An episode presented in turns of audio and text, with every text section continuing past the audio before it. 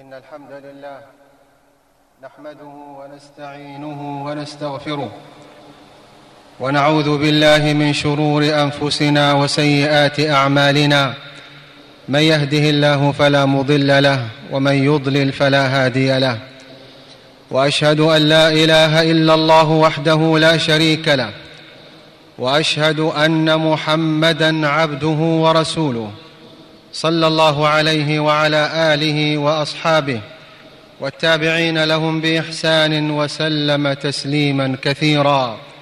أما بعد فأوصيكم ونفسي عباد الله بتقوى الله في السر والعلانية فهي الموصلة إلى علام الغيوب المنجية من الكروب المزكية للأرواح والقلوب. إن تتقوا الله يجعل لكم فرقانا ويكفر عنكم سيئاتكم ويغفر لكم. أمة الإسلام إن هذا الدين العظيم مبني على ركنين وأصلين جليلين. لا يقبل الله من عبد صرفا ولا عدلا حتى يأتي بهما. معرفة الله وتوحيده وعبادته. ومعرفة النبي صلى الله عليه وآله وسلم ومحبته وطاعته واتباعه وهما مقتضى الشهادتين وحقيقة الإسلام وجوهره وما أمروا إلا ليعبدوا الله مخلصين له الدين حنفاء. من يطع الرسول فقد أطاع الله. إن معرفة النبي صلى الله عليه وآله وسلم ومحبته وطاعته أمر متحتم لا محيد عنه لكل مسلم ومسلمة. وفرض واجب وشريعة غراء ومنهج أبلج وضاء. يسعد بها العبد سعادة لا شقاء معها أبدا. ويبارك الله له بها في عمره وحياته ويزكي روحه وعقله. فينعم بالحياة الطيبة التي هي أثر من آثار محبته صلى الله عليه وآله وسلم وطاعته. ولقد وبخ الله تعالى الذين لم يعرفوا رسولهم وقرعهم بقوله أم لم يعرفوا رسولهم فهم له منكرون. عباد الله إنه ليس هناك أحد من البشر يستحق أن يحب ويعظم ويطاع من كل وجه إلا رسول الله صلى الله عليه وآله وسلم. ذلكم النبي الكريم الذي صنعه الله على عينه فاختاره واصطفاه واجتباه وانتقاه وكمله ربه بكل الكمالات البشرية والفضائل الخلقية والخلقية. ورقاه في مدارج العز والكمال والشرف حتى بلغ مستوى لم يبلغه أحد من صفوة الخلق لا نبي مرسل ولا ملك مقرب. وسد جميع الأبواب الموصلة إليه إلا باب محمد صلى الله عليه وآله وسلم. ومنع الخلق كلهم من التعبد له إلا بما شرع محمد صلى الله عليه وآله وسلم. فهو أعظم الخلق حرمة عند الله وأتقاهم وأخشاهم وأعلمهم بالله.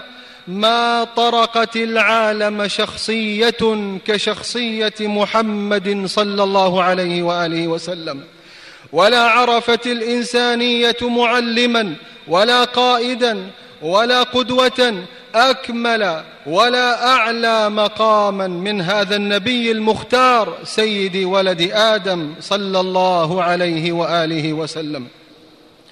يا أمة محمد يا أمة محمد صلى الله عليه وآله وسلم مهما تحدث المتحدثون ووصف الواصفون وألف المؤلفون ونظم الشعراء المجيدون فلن يبلغوا جلالة وصف القرآن العظيم وبلاغته وبيانه في الحديث عنه صلى الله عليه وآله وسلم.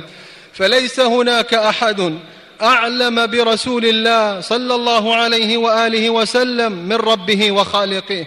كما أنه ليس هناك أحد أعلم بالله تعالى وأعرف به من رسول الله صلى الله عليه وآله وسلم. لقد تحدث القرآن المجيد بحلاوته وطلاوته عن هذا النبي الكريم حديثا عجبا مشرقا باهرا متدفقا يعرض فيه بأساليب مونقة مغدقة جوانب العظمة والكمالات النبوية حيث نشأ عليه الصلاة والسلام يتيما فآواه ربه ورباه ووجده ضالا ما يدري ما الكتاب ولا الإيمان. فهداه مولاه واجتباه ووجده عائلا وكان عائلا فقيرا فأغناه ورعاه حتى ابتعثه على حين فترة من الرسل. رجلا كريما في قومه وهو صاحبهم الذي يعرفونه كما يعرفون أبناءهم. فكان أول ما أنزل عليه صدر سورة اقرأ. ثم صدر سورة المدثر وفيهما بيان مركز لمعالم الإسلام وأسس الدعوة. فصارت بعثته صلى الله عليه وآله وسلم أعظم منة إلهية ورحمة ربانية طوقت عنق كل مسلم. لقد من الله على المؤمنين. إذ بعث فيهم رسولا من أنفسهم يتلو عليهم آياته ويزكيهم ويعلمهم الكتاب والحكمة وإن كانوا من قبل لفي ضلال مبين. أيها المسلمون لقد عظم الله تعالى شأن هذا النبي الكريم صلى الله عليه وآله وسلم في القرآن وأثنى عليه ثناء عاطرا في عبادته وأخلاقه وسيرته وجهاده ولم يكن يناديه إلا بيا أيها الرسول يا أيها النبي إجلالا له وإعظاما. كيف لا؟ كيف لا؟ وهو النبي الأمي الذي ما ضل وما غوى وما ينطق عن الهوى. إن هو إلا وحي يوحى. علمه جبريل شديد القوى. وكيف لا يعظمه ربه؟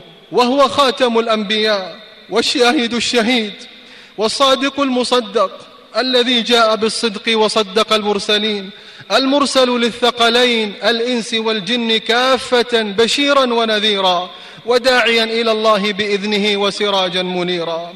نبي أمي نبي أمي لا يخط بيمينه ولا يقرأ وجاء بأعظم الشرائع وبعث بالحنيفية السمحة وعلمه ربه ما لم يكن يعلم وزينه وجمله بالأخلاق الحسنة العظيمة من التواضع وخفض الجناح للمؤمنين والصبر والسماحة واللين والرحمة والعفو والصفح فأحبته القلوب والأرواح.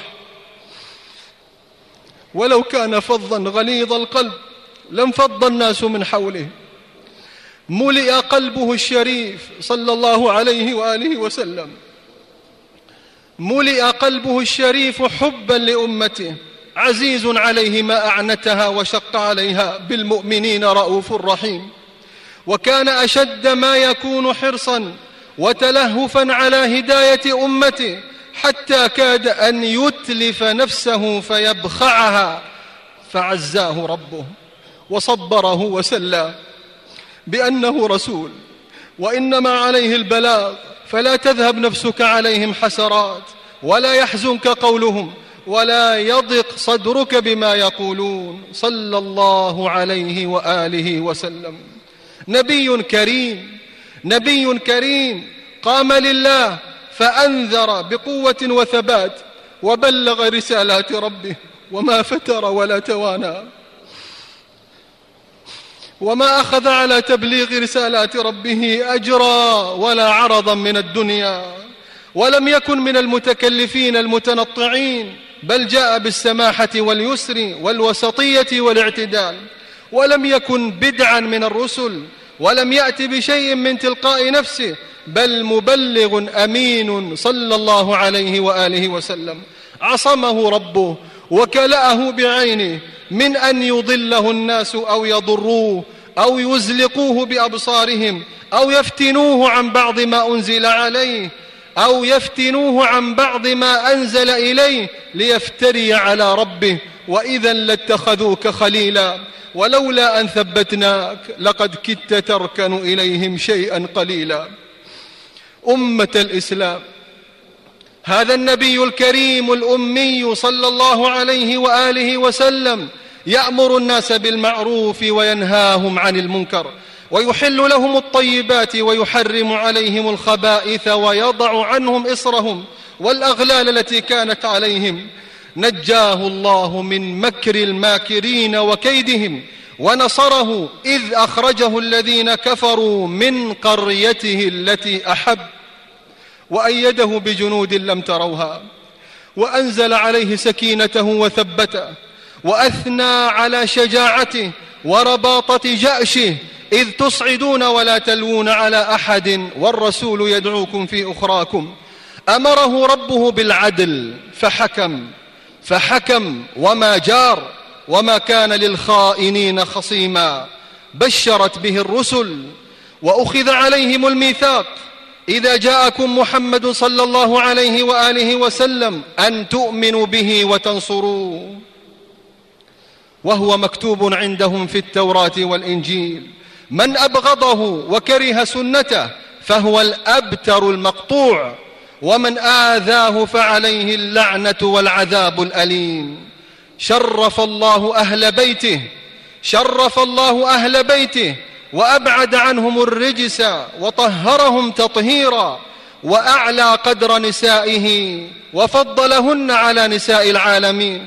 يا نساء النبي لستن كأحد من النساء. عظم شأن صحابته الكرام وهم السابقون الأولون من المهاجرين والأنصار ورضي عنهم وتاب عليهم. عباد الله ويتحدث القرآن بأساليب مشرقة متألقة عن جهاده صلى الله عليه وآله وسلم ومغازيه ويعالج أسباب النصر والهزيمة بطريقة فذة مدهشة ويصرح بذكر معركة بدر والأحزاب وحنين ويشير إلى أحد وصلح الحديبية وفتح مكة وغزوة تبوك ويلمح إلى بعض الأحداث المهمة في سيرته كحادثة الفيل والهجرة المباركة وإبطال التبني وحادثة الإفك الشهيرة وتشريع الاستئذان والحجاب وحادثة الإسراء والمعراج والإشارة إلى قرب أجله في سورة النصر وغير ذلك من الأحداث والقضايا التي أفاض فيها القرآن بإعجاز وبيان لا مثيل له. بارك الله لي ولكم في القرآن العظيم ونفعنا بما فيه من الآيات والذكر الحكيم أقول قولي هذا وأستغفر الله العظيم الجليل لي ولكم ولسائر المسلمين من كل ذنب فاستغفروه إنه هو الغفور الرحيم. الحمد لله وحده والصلاة والسلام على سيدنا ونبينا محمد وعلى آله وصحبه. وبعد أيها المسلمون لقد أكد القرآن في مواطن كثيرة على أنه لا يصح إيمان الناس حتى يؤمنوا بهذا النبي صلى الله عليه وآله وسلم. ويصدقوه ويطيعوه ويوقروه ويحبوه. وذلك فرض واجب على كل مسلم ومسلمة. وأمر سبحانه وتعالى الأمة باستعمال الأدب العظيم مع هذا النبي الكريم صلى الله عليه وآله وسلم.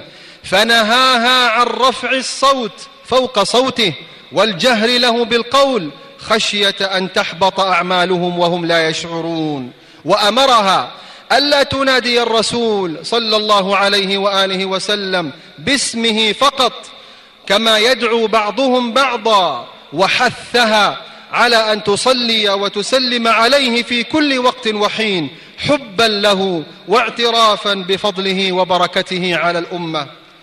يا أمة محمد صلى الله عليه وآله وسلم إن أعظم الحب والأدب مع النبي صلى الله عليه وآله وسلم طاعته واتباعه والتمسك بسنته ظاهرا وباطنا وتقديم أمره على كل أحد والتحاكم إلى سنته وذلك من أعظم دلائل الإيمان وذلك من أعظم دلائل محبته والإيمان به ومن أجل أسباب النصر والتمكين في الأرض وائتلاف القلوب واجتماعها وتوحدها.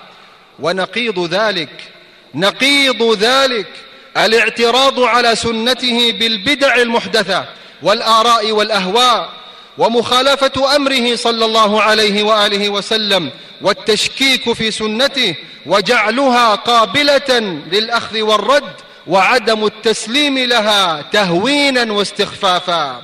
وذلك من أوضح علامات أهل النفاق الذين سقطت من قلوبهم هيبة مقام النبوة وزلت أقدامهم في الفتنة والأهواء.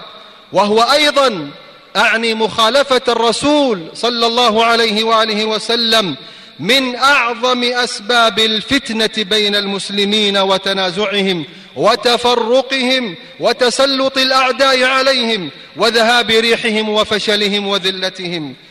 وإن الأمة وإن الأمة مهما ابتغت العزة والنصر والشرف فلن تجد ذلك إلا في لزوم غرزه صلى الله عليه وآله وسلم واختفاء أثره والسير على منهاجه.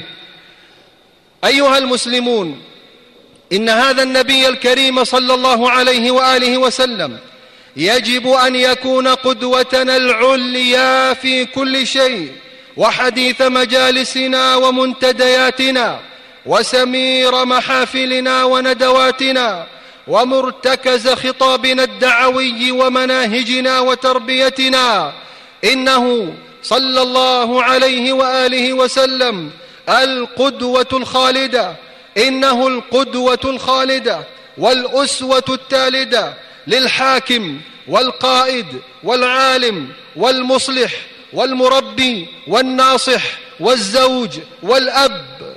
إننا إننا في هذا الزمان المليء بالفتن والشبهات وأفكار التطرف والإرهاب واتخاذ الناس رؤوسا جهالا وأغيلمة سفهاء الأحلام يفسدون ولا يصلحون ويهدمون ولا يبنون لأشد ما تكون حاجتنا إلى اتخاذ النبي صلى الله عليه وآله وسلم قدوة وأسوة ومنهاج حياة وإلى تعظيم مقام النبوة وإلى تعظيم مقام النبوة والحذر الشديد من رد سنته أو الاعتراض عليها. فليحذر الذين يخالفون عن أمره أن تصيبهم فتنة أو يصيبهم عذاب أليم.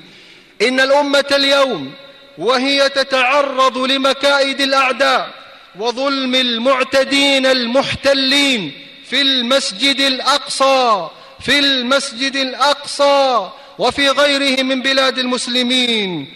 لأحوج ما تكون إلى الرجوع إلى سنته صلى الله عليه وآله وسلم وسيرته المباركة لمعرفة المنهج الحق لمعرفة المنهج الحق في التعامل مع الأعداء ومواجهتهم ورفع الظلم والاعتداء. ورد كيد الكائدين والحاقدين. أيها المسلمون هذه بعض شذرات مضيئة ونفائس متلألئة من حديث القرآن الباهر عن هذا النبي الكريم صلى الله عليه وآله وسلم. وما ترك أكثر مما ذكر فهلموا يا عباد الله يا مسلمون هلموا وأقبلوا على القرآن مأدبة الله في الأرض. وانظروا انظروا كيف تحدث القرآن عن هذا النبي الكريم صلى الله عليه وآله وسلم.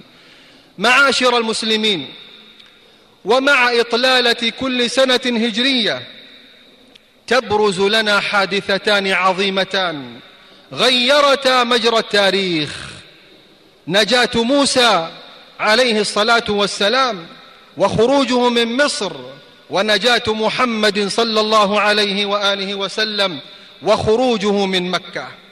مع أن زمن حدوثهما مختلف حيث كانت نجاة موسى عليه الصلاة والسلام في العاشر من شهر محرم ونجاة محمد صلى الله عليه وآله وسلم في أوائل ربيع الأول إلا أن اعتماد الخليفة عمر رضي الله تعالى عنه وأرضاه للتاريخ الهجري من بداية محرم جعل هاتين الحادثتين تلتقيان فتذكران مع بداية كل عام هجري وأصبحتا وأصبحتا من أهم الأحداث لما فيهما من التشابه والعبر والحكم والآيات الباهرات. ولا ريب يا عباد الله ولا ريب في ذلك فكتاب موسى عليه الصلاة والسلام وكتاب محمد صلى الله عليه وآله وسلم هما أفضل الكتب المنزلة وكثيرا ما يقرن الله بينهما في كتابه. قل فأتوا بكتاب من عند الله هو أهدى منهما أتبعه إن كنتم صادقين. ولذلك كان صيام يوم عاشوراء سنة نبوية مباركة تؤكد عظيم الصلة بين نبي الله موسى عليه الصلاة والسلام ونبي الله محمد صلى الله عليه وآله وسلم. ثم صلوا وسلموا على سيد البشرية وهاديها وسراجها المنير. فإن الله عز وجل قد أمرنا بالصلاة والسلام عليه حيث قال في محكم تنزيله إن الله وملائكته يصلون على النبي يا أيها الذين آمنوا صلوا عليه وسلموا تسليما.